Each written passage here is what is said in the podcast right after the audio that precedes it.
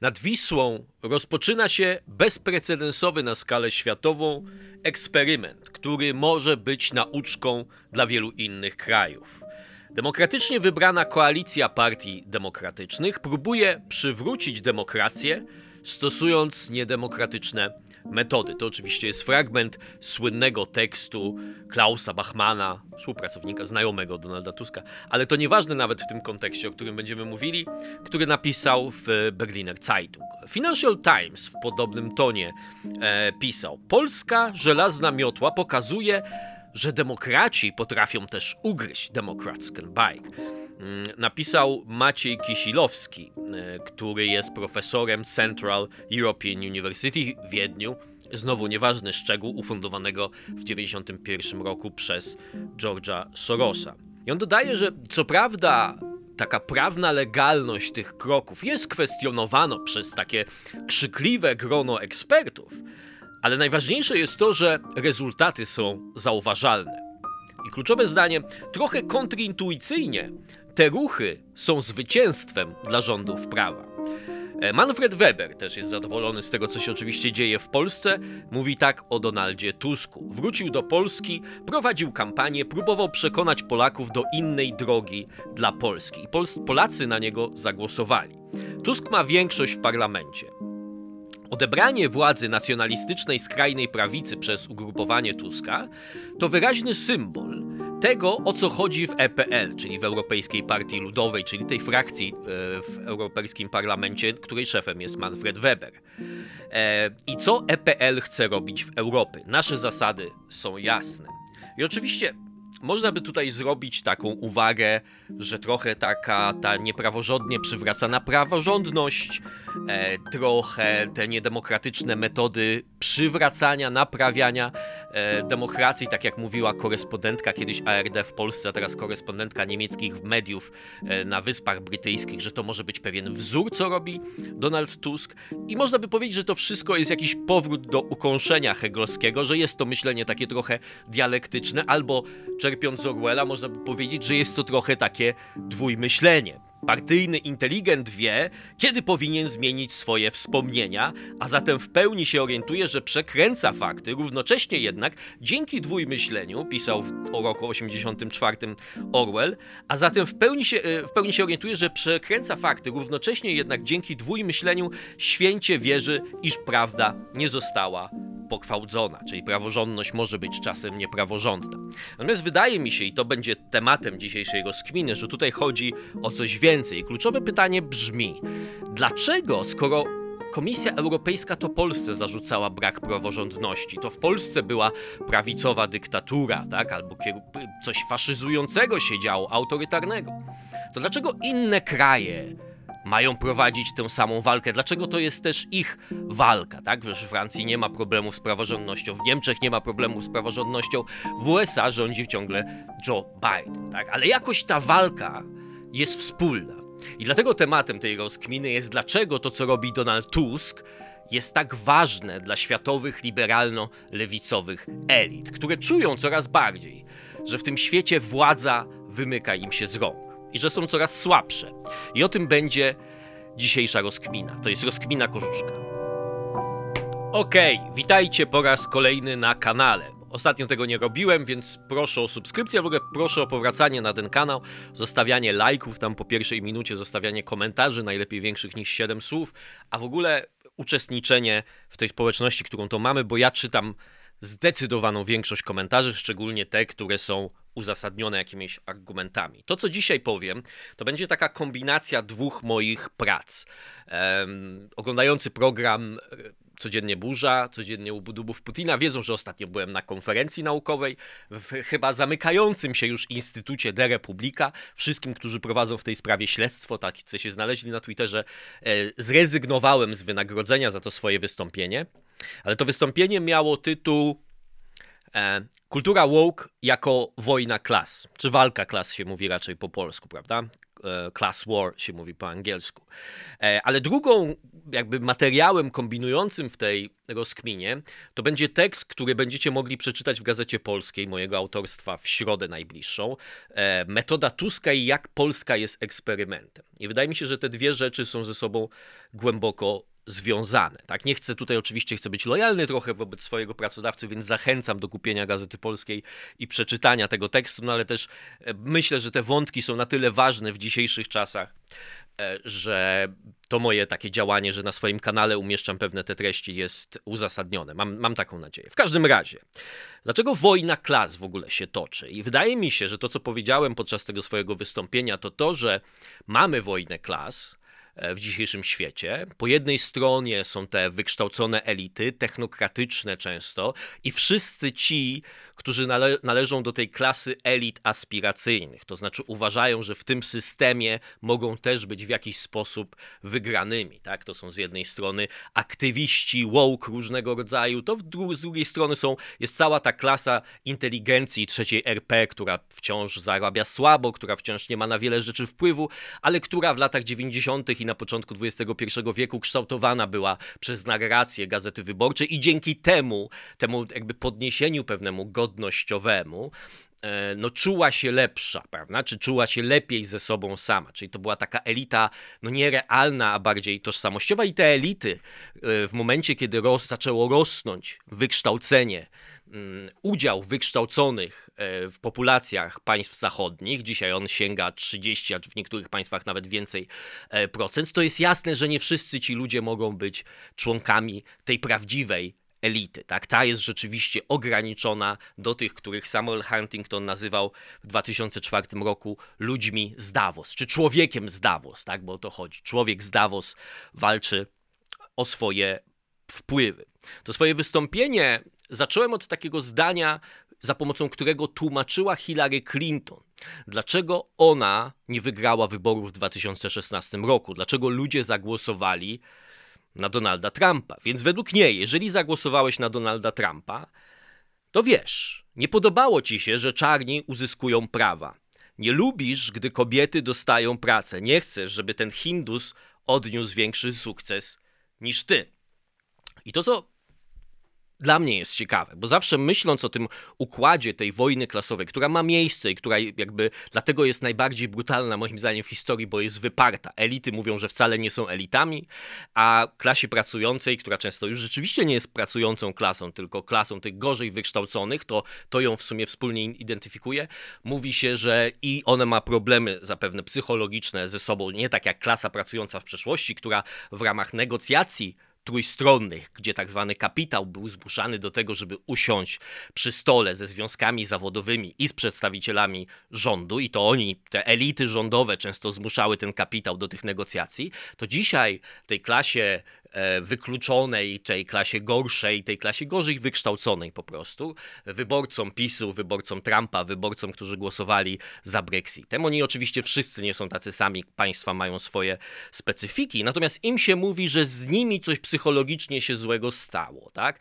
Jakaś zwierzęca część duszy przejęła nad nimi kontrolę, jak mówi Ann Applebaum, przejęła nad nimi kontrolę e, ta osobowość autorytarna, tak? To jest taka psychologia naprawdę dla pensjonarek, ale te, on, tego używają te elity dzisiaj, żeby wytłumaczyć, dlaczego ludzie ich nie lubią, bo mają w sobie jakąś nienawiść, bo mają w sobie zawiść, bo mają w sobie zazdrość, że im się tak nie powiodło, tak jak tym, którzy swoją tylko ciężką pracą i być może jakimś wrodzonym talentem uzyskali wysoką pozycję w dzisiejszej społecznej stratyfikacji. Ale wróćmy do tego, cytatu z Hillary Clinton, bo on jest, wydaje mi się, niezwykle ważny. Otóż Hillary Clinton, zauważmy to, nie mówi, może ci ludzie mnie nie lubią. Mnie, mnie, przedstawicielki klasy rządzącej, żony byłego prezydenta, sekretarz stanu, której rodzina jest doskonale sytuowana, która jest biała, więc ma ten biały przywilej, jak mówi lewica woke dzisiaj, to nie jest tak, że oni nie lubią mnie. Oni nie lubią Hindusa o, im się nie podoba, że czarni mają prawa, im się nie podoba to, no ona jest kobietą, ale też umówmy się, kobietą, która sobie poradziła bardzo dobrze w życiu, ale im się nie podoba to, że kobiety weszły na rynek pracy. Więc ja to nazywam w ten sposób, że Hillary Clinton się chowa za tym Hindusem, e, i mówi do wyborcy, który na nią nie zagłosował, to dlatego, że ty nie lubisz tego Hindusa, który stoi przede mną. Ty nie lubisz kogoś, kto należy do tej klasy uciśnionej. I teraz to jest kluczowa operacja w tej brutalnej walce klas, która tutaj się dokonuje. Tak? Bo po pierwsze, walka klas dzisiaj jest brutalniejsza, bo nikt nie mówi, że elity odpowiadają za to na przykład, że od lat 70. w Stanach Zjednoczonych nie wzrosły zarobki e, klasy pracującej, prawda? Że one są de facto w realnej stagnacji. Klasa elit za to nie odpowiada, bo ona ciężko pracuje, kształci się, też często mieli ciężkie dzieciństwo i tak dalej. Czyli e, po pierwsze, nie daje się ludziom prawa do tego, żeby politycznie zauważać, że różne mechanizmy, które elity wprowadzają, takie jak na przykład transgraniczna czy transnarodowy arbitraż pracy, tak, o którym pisze Michael Lind, czyli z jednej strony wyprowadzanie produkcji za granicę, gdzie ludziom już nie trzeba dawać praw pracy, bo oni są tak z, spragnieni tego zachodniego dobrobytu, że są w stanie pracować w dużo trudniejszych warunkach niż tak zwani tubylcy, tak? Więc z jednej strony to jest to, a z drugiej strony to jest oczywiście imigracja. Natomiast o tym nie pomyślałem i to sobie uświadomiłem, czy w jakiś sposób do mnie to mocniej dotarło, jak zacząłem tak trochę medytację nad tym cytatem z Hillary Clinton przeprowadzać. Otóż to nie jest tylko nierówna redystrybucja benefitów z systemu. To, co, e, jak on się nazywa, e, Peter Turchin e, w takiej książce The End Times nazywa The Wealth Pump, czyli pompa bogactwa. Także do tego jednego górnego procenta rzeczywiście pompowane są ogromne e, środki. Prawda? A jakby na dole ta dystrybucja tych dochodów jest jakoś, jakoś zatrzymana z jakiegoś powodu. Tak? Ale to jest też bardzo nierówna i bardzo niesprawiedliwa redystrybucja winy. I to jest kluczowe. To jest redystrybucja winy, tak? bo dzisiaj się mówi do wyborców Trumpa, którzy są rzeczywiście w większości biali, ale którzy też w zdecydowanej większości są są e, potomkami tej klasy pracującej, która w 50. i 60. latach w USA miała swój złoty okres, że z jednej pensji ojciec mógł dom w suburbiach z całą rodziną, często wielodzietną, utrzymać, prawda? E, I im się mówi, że oni tęsknią do tych czasów, ale nie dlatego, że były, była praca, że ojciec był szanowany i tak dalej, tak dalej, nie dlatego. E, oni tęsknią dlatego, że są rasistami, dlatego, że nienawidzą imigrantów, dlatego, że nienawidzą czarnych. Wrę wreszcie, wręcz w końcu ich tęsknota jest tęsknotą do świata przeszłości, w którym czarni nie mieli praw, czyli w istocie jest to nawoływanie do rekonstrukcji systemu, który e, u swoich podstaw miał segregację. Ale znowu można tu zadać jedno z podstawowych takich pytań. Dlaczego oni za to odpowiadają? Dlaczego oni za to. Odp- Oczywiście, to jest tak, jakbyśmy się przenieśli w latach 60. w jakieś przedmieścia, załóżmy na to Filadelfii. To rzeczywiście było tak, że te, te dzielnice były segregowane rasowo. Ale, nie, ale jakby i, I to nie było nic dobrego, żeby była jasność. Tak można w amerykańskiej literaturze przeczytać takie opisy, że na przykład czarna rodzina chce się sprowadzić, a mieszkańcy stają i na przykład się przyglądają, żeby dać do zrozumienia, że my tutaj takich nie chcemy. Ale te, tą segregację, e, za nią odpowiadali także politycy. Tak, którzy, y, którzy te wszystkie prawa uchwalali. Tak? Ta segregacja miała miejsca na tych uniwersytetach, które dzisiaj się szczycą tym, że są tą awangardą rewolucji równościowej i tolerancji. Tak? Te same elity, tak? niektóre to, to, jest, to, to jest tak, jakbyśmy powiedzieli, że nastąpiło jakieś zerwanie w, w graczach NBA, zawsze się mówi, no ale LeBron James, e, czy LeBron James grał z Kobe Bryantem, Kobe Bryant grał z Michaelem Jordanem, Michael Jordan grał z Larrym Birdem i tak dalej, i tak dalej. To jest ta, cały czas ta sama instytucja, tak samo jest w polityce. Jak pamiętamy debatę podczas prawyborów jeszcze demokratycznych w 2020 roku, kiedy Kamala Harris startowała e, jako kandydat na prezydenta, to ona oskarżała Joe Bidena, że był przeciwnikiem tak zwanego busingu. Tak? Busing to był taki mechanizm, jak wymuszono desegregację szkół, bo stwierdzono, że postęp wymaga tego, żeby dzieci wozić, wozić czasem kilkadziesiąt kilometrów w zupełnie obce miejsca, zarówno dzieci białe, jak i czarne. Tak? Pewna grupa czarnych ze szkoły czarnej była wyznaczona do uczęszczania do grupy do, do szkoły białej, pewna grupa białych była wyznaczona do uczęszczania szkoły czarnej. I oczywiście to wzbudzało ogromne protesty, tak? I Natomiast Kamala Harris chciała przedstawić, żeby zyskać jakieś punkty, Joe Bidena jako część demokratycznego establishmentu w tych czasach, jeszcze mającego bardzo mocne korzenie w demokratach z południa, którzy, umówmy się, byli segregacjonistami prawda? E, I nawoły, bronili praw swojego stanu po to, żeby utrzymać pewne przywileje dla białych. Tak? I to byli politycy demokratów, z którymi Joe Biden współpracował. Tak? Natomiast załatwiono to na sposób charakterystyczny dla dzisiejszych elit. Załatwiono to w ten sposób, że Kamala Harris została wiceprezydent Joe Bidena. Najpierw kandydatką na wiceprezydent, a potem, jak Joe Biden wygrał wybory, to została wiceprezydent. I nagle Joe Biden z tego kogoś, kto, kto ten, ten postępowy pomysł jakoś tam chciał zablokować, stał się obrońcą społeczności czarnej. Oczywiście nie zaszkodziło to, że był wiceprezydentem pierwszego czarnoskórego prezydenta w historii. Czyli innymi słowy, elity znalazły w przypadku tego, tego jednego człowieka jakiś sposób na wybielenie nomen omen tej przewiny historycznej, ale odpowiedzialność musi pozostać na tych, którzy ciągle nie akceptują tego, że elity będą dyktowały to, jak ma wyglądać świat. I oczywiście cała ta historia busingu dostarcza takiej refleksji w sprawie tego, jak elity traktują postęp. Tam była taka sytuacja, że sprawa była tak kontrowersyjna, że trzeba było sędziów umieścić w roli de facto administratorów całych dystryktów edukacyjnych, tak? Bo te normalne edukacyjne ciała, instytucje po prostu nie działały albo spotykały się z takim sprzeciwem, że to było niemożliwe. I sędziowie na przykład w Bostonie na wiele lat stawali się de facto szefami szkolnictwa w danym okręgu. Jeden z tych sędziów, który wprowadzał desegregację systemów szkolnych, czy integrację, jak to się nazywało wówczas, w Richmond w Virginii, pamiętamy piosenkę Richmond, North of Richmond, um, barda, można powiedzieć, rewolucji Trumpowej, tak jak go roboczo nazwałem, czyli jak on się nazywał, Oliver Anthony.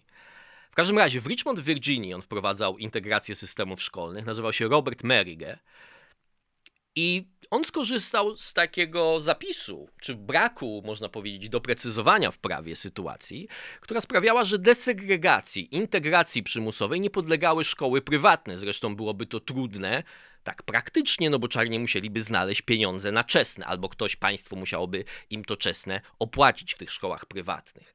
W związku z czym spora część elit, ich dzieci nie były poddawane temu busingowi, dlatego że chodziły do tych szkół prywatnych. I Robert Merriger, który zarządzał tym systemem edukacyjnym e, w Virginii, w Richmond konkretnie, wysyłał swoje dzieci do szkoły prywatnej i zapytany o to powiedział wprost: Kiedy jestem zasiadam na ławie, on the bench, jestem sędzią. A kiedy jestem w domu, to jestem ojcem. I teraz wydaje mi się, że warto na chwilę się zatrzymać, bo jest pewnie część z Was, która słucha tego wszystkiego i uważa, że wątków jest za dużo, jak to się łączy. Dlaczego, jaki to ma związek na przykład z Donaldem Tuskiem. Podsumowując trochę, elity stworzyły system, gdzie nie tylko dystrybucja tych korzyści majątkowych jest bardzo nierówna i na mechanizmach korzystają przede wszystkim elity albo ci, którzy w jakiś sposób wywalczą sobie do nich dostęp. I ten, no, trzeba sobie jasno powiedzieć, ten dostęp nie jest zupełnie zamknięty, um, ale, ale, jest, ale jest ograniczony do bardzo małej liczby ludzi.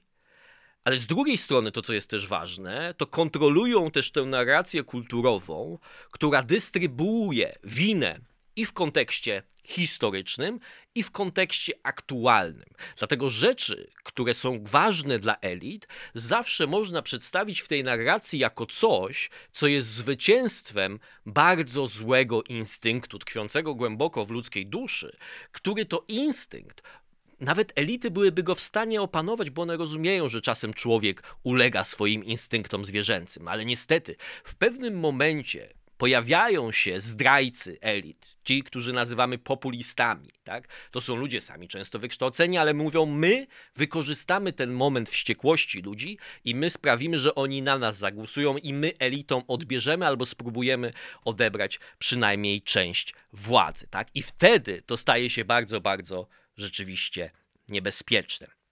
Każde wydarzenie, w którym elity bronią tych swoich przywilejów, może zostać zinterpretowane jako w istocie obrona sprawiedliwego, równościowego, tolerancyjnego, integracyjnego systemu. Tak? Przypominam to, co mówiłem o sprawie Harvarda i akcji afirmacyjnej. Tak? Jana Nelson, to jest szefowa ówczesna, nie wiem czy dalej jest, NAACP, prawda, jednej z pierwszych organizacji walczących o równouprawnienie osób czarnoskórych. E, mówiła wtedy o tym, o tej sprawie, która toczyła się przed sądem.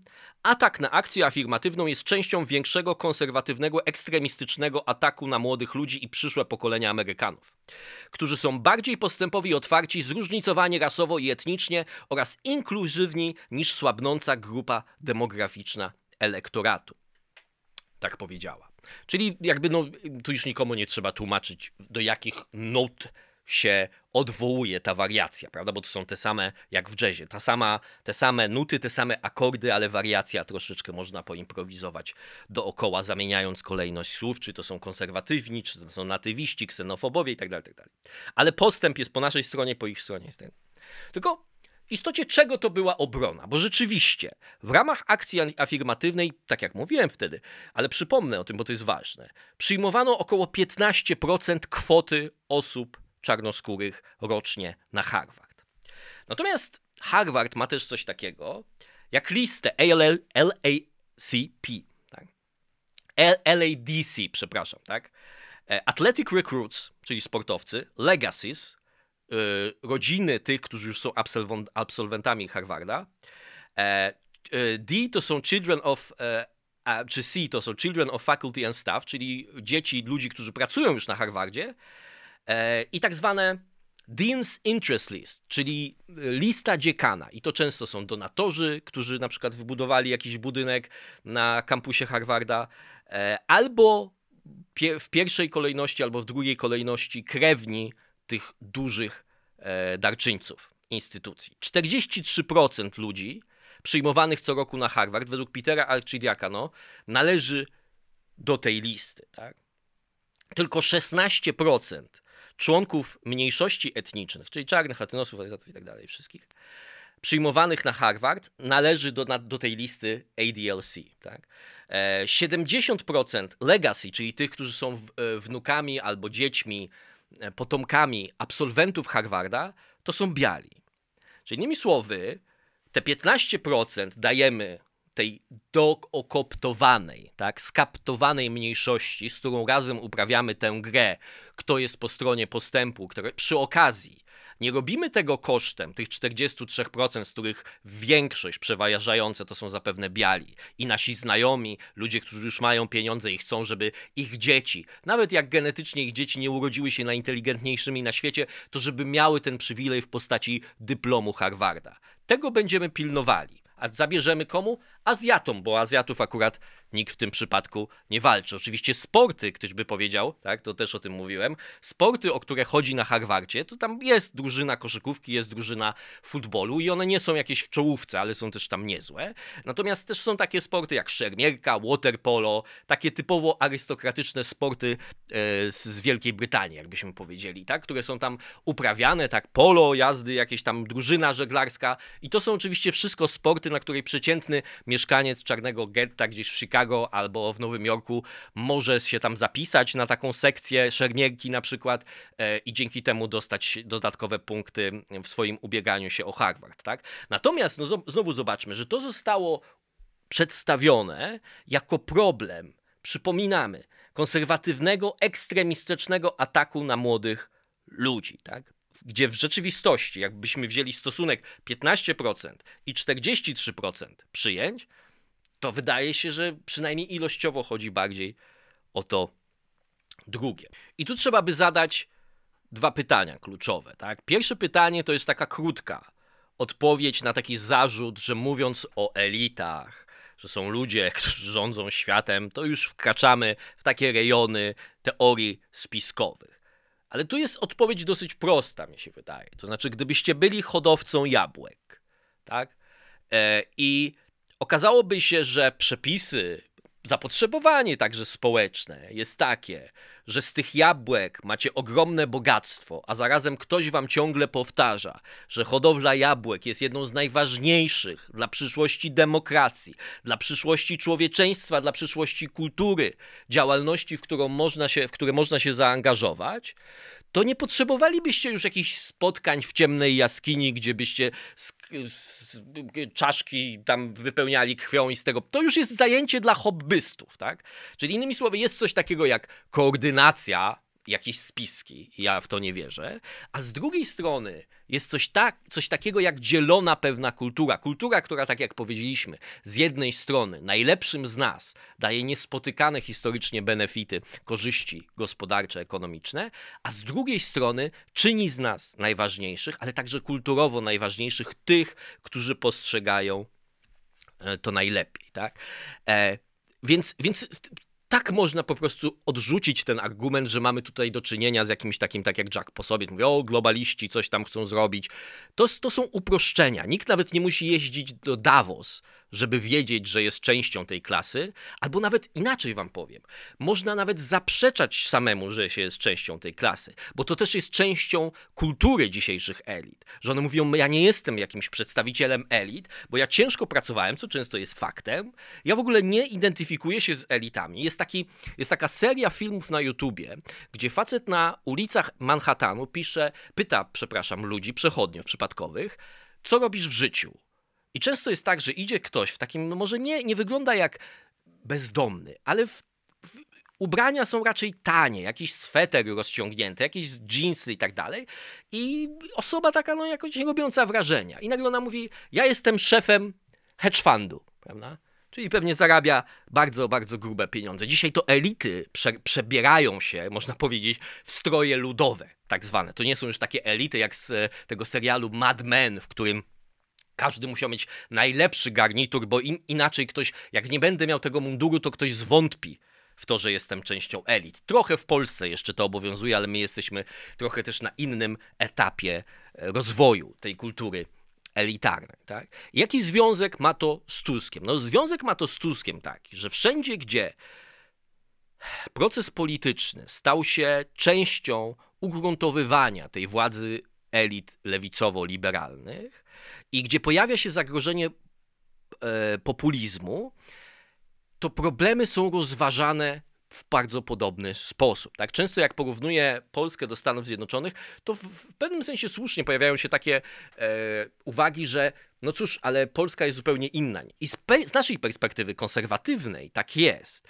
bo pamiętajmy, że ta nasza narracja, którą się dzisiaj buduje, na przykład na, na, mówiąc o Wąsiku i Kamińskim, odwołując się do doświadczeń jeszcze z walki z totalitaryzmem komunistycznym, czy przynajmniej z systemem autorytarnym, to jest w ogóle coś, co jest obce większości konserwatystów na Zachodzie. E, francuscy konserwatyści mają obsesję antyamerykańską, o czym mówiłem tu, nam ona jest obca, także, także się różnimy. Natomiast po drugiej stronie, jak się przeczyta książkę Timothy'ego Snydera, jak się przeczyta książkę Ann Applebaum, te wszystkie książki o zagrożeniu Trumpem, populizmem, Brexitem itd., tak itd., tak to dla nich to wszystko jest to samo. Giver Hofstadt, e, który też jest ciekawym, że tak powiem, e, takim studium przypadku, bo to jest populista, którego elektoratem już nie są ludzie w żadnym kraju, tylko są ludzie Unii, czyli urzędnicy, parlamentarzyści, doradcy, parla czyli ta, ta, społeczność brukselska, można powiedzieć. Tak? On jest ich Donaldem Trumpem, swoją drogą. A jak Donald Trump wygrał prawybory w Iole, w Iowa, e, to, to e, Verhofstadt napisał na swoim Twitterze, to ostatni dzwonek dla demokratów demokracja jest w kryzysie, coś w tym stylu, prawda, żeby, żeby się obronić, tak? Czyli oni to, e, Ann Applebaum myśli w ten sposób, Trump, Kaczyński, Orban, Putin, tak, to jest takie, można powiedzieć, nie wiem, inkantacja w pewnym sensie, tak? To, to jest wszystko część tego samego systemu. Co więcej, jak pomyślimy o tym, jaką rolę odegrał Radek Sikorski w resecie, o tym, że on się chwali jeszcze dzisiaj gdzie nie musi tego w ogóle robić. My byliśmy pierwsi, mówi, jak Monika Olejnik stara mu się zaserwować czy, czy wystawić piłkę na ścinę, że to była wina Amerykanów, bo to oni to zaczynali, to on mówi nie, my byliśmy pierwsi, tak. E, Czyli w Polsce to też jest bardzo wyraźnie widoczne, tak? Tradycyjnie antyrosyjska, nazywana rusofobiczną przez lata prawica, tak? Michał Rachoń przebierający się za penisa, z którego się śmiano, że tutaj popsuł polsko-rosyjskie e, ten. Dzisiaj jest proputinowska z jakiegoś, tak jak tak jak można praworządność, jak to powiedział Antoni Dudek, w ramach jakiegoś seansu spirytystycznego ducha praw wywołać i on nam powie, że to, co robimy, jest w porządku, tak można antyrosyjskość, ahistoryczną kompletnie stworzyć i znowu rozdystrybuować winę za to, co się dzieje, na tych, na których akurat tę winę chcemy dzisiaj złożyć. Tak? Harvard 43% przyjmuje ludzi uprzywilejowanych to nie są rasiści. Rasiści to są ci, którzy mówią, może nie dyskryminujmy Azjatów dlatego, żeby przyjąć więcej czarnych i żeby wszyscy byli zadowoleni. Z Tuskiem to jest też oczywiście tak związane, że w, żeby nie być tą elitą prześladującą uciśnionych, to trzeba dokonać procesu kooptacji. Tak? Klasyczny w, w, takich systemach też komuniści też próbowali to robić przecież wielokrotnie w Polsce i czasem im się udawało. Kooptacji, czyli Donald Tusk jest przedstawicielem e, Europy Środkowej i Wschodniej, który jest z nami, który jest naszym człowiekiem. Mówią elity brukselskie i my jego bronić będziemy. My jemu będziemy podawali pomocną rękę, bo on rozumie nasze wartości i tak dalej, i tak dalej. Oczywiście to odgrywa też rolę wśród tubylców elitarnych w Polsce, bo oni, żaden z nich, zdecydowana większość z nich nie ma szansy na to, żeby stać się częścią tej, tego, co ja nazywam olimpijską wioską elit. To będzie tytuł mojej książki, więc proszę tego określenia mi nie kraść czyli tego miejsca, gdzie najlepiej wykształceni z całej Europy mogą się zebrać i ze sobą rozmawiać w tajemnicy, jaka będzie przyszłość Europy, prawda? Tylko on miał szansę stać się tak naprawdę na najwyższych szczytach naszym człowiekiem w Brukseli. Ale dla reszty, no to to jest takie symboliczne zwycięstwo tej aspiracyjnej, okcydentalizacyjnej, mentalnie, tak, europeizacyjnej inteligencji polskiej. Skoro on mógł, to być może w dalekiej przyszłości my albo nasze dzieci i też zostaniemy dopuszczeni do tego wspólnego tortu, tak? O wielu rzeczach nie powiedziałem, o których chciałem powiedzieć, ale no, tak to jest, jak się e, ma wiele wątków do poruszenia. Natomiast ostatnią rzeczą, którą chcę powiedzieć, dlaczego ci ludzie są w tym momencie gotowi na żelazną miotłę i dlaczego uzasadniają żelazną miotłę, dlaczego mówią, że to może być obiecujący eksperyment dla wszystkich na świecie, którzy chcą bronić demokracji i rządów prawa. Dlaczego jest tak, że chociaż były marzenia w Stanach Zjednoczonych, żeby zlikwidować filibuster, żeby obsadzić dodatkowymi sędziami Sąd Najwyższy, żeby obrócić Dobbs, które było odwróceniem Roe v. Wade, tak? czyli, ze, e, czyli ten wyrok, który gdzieś jest cierniem w sercu każdego lewaka w Stanach Zjednoczonych.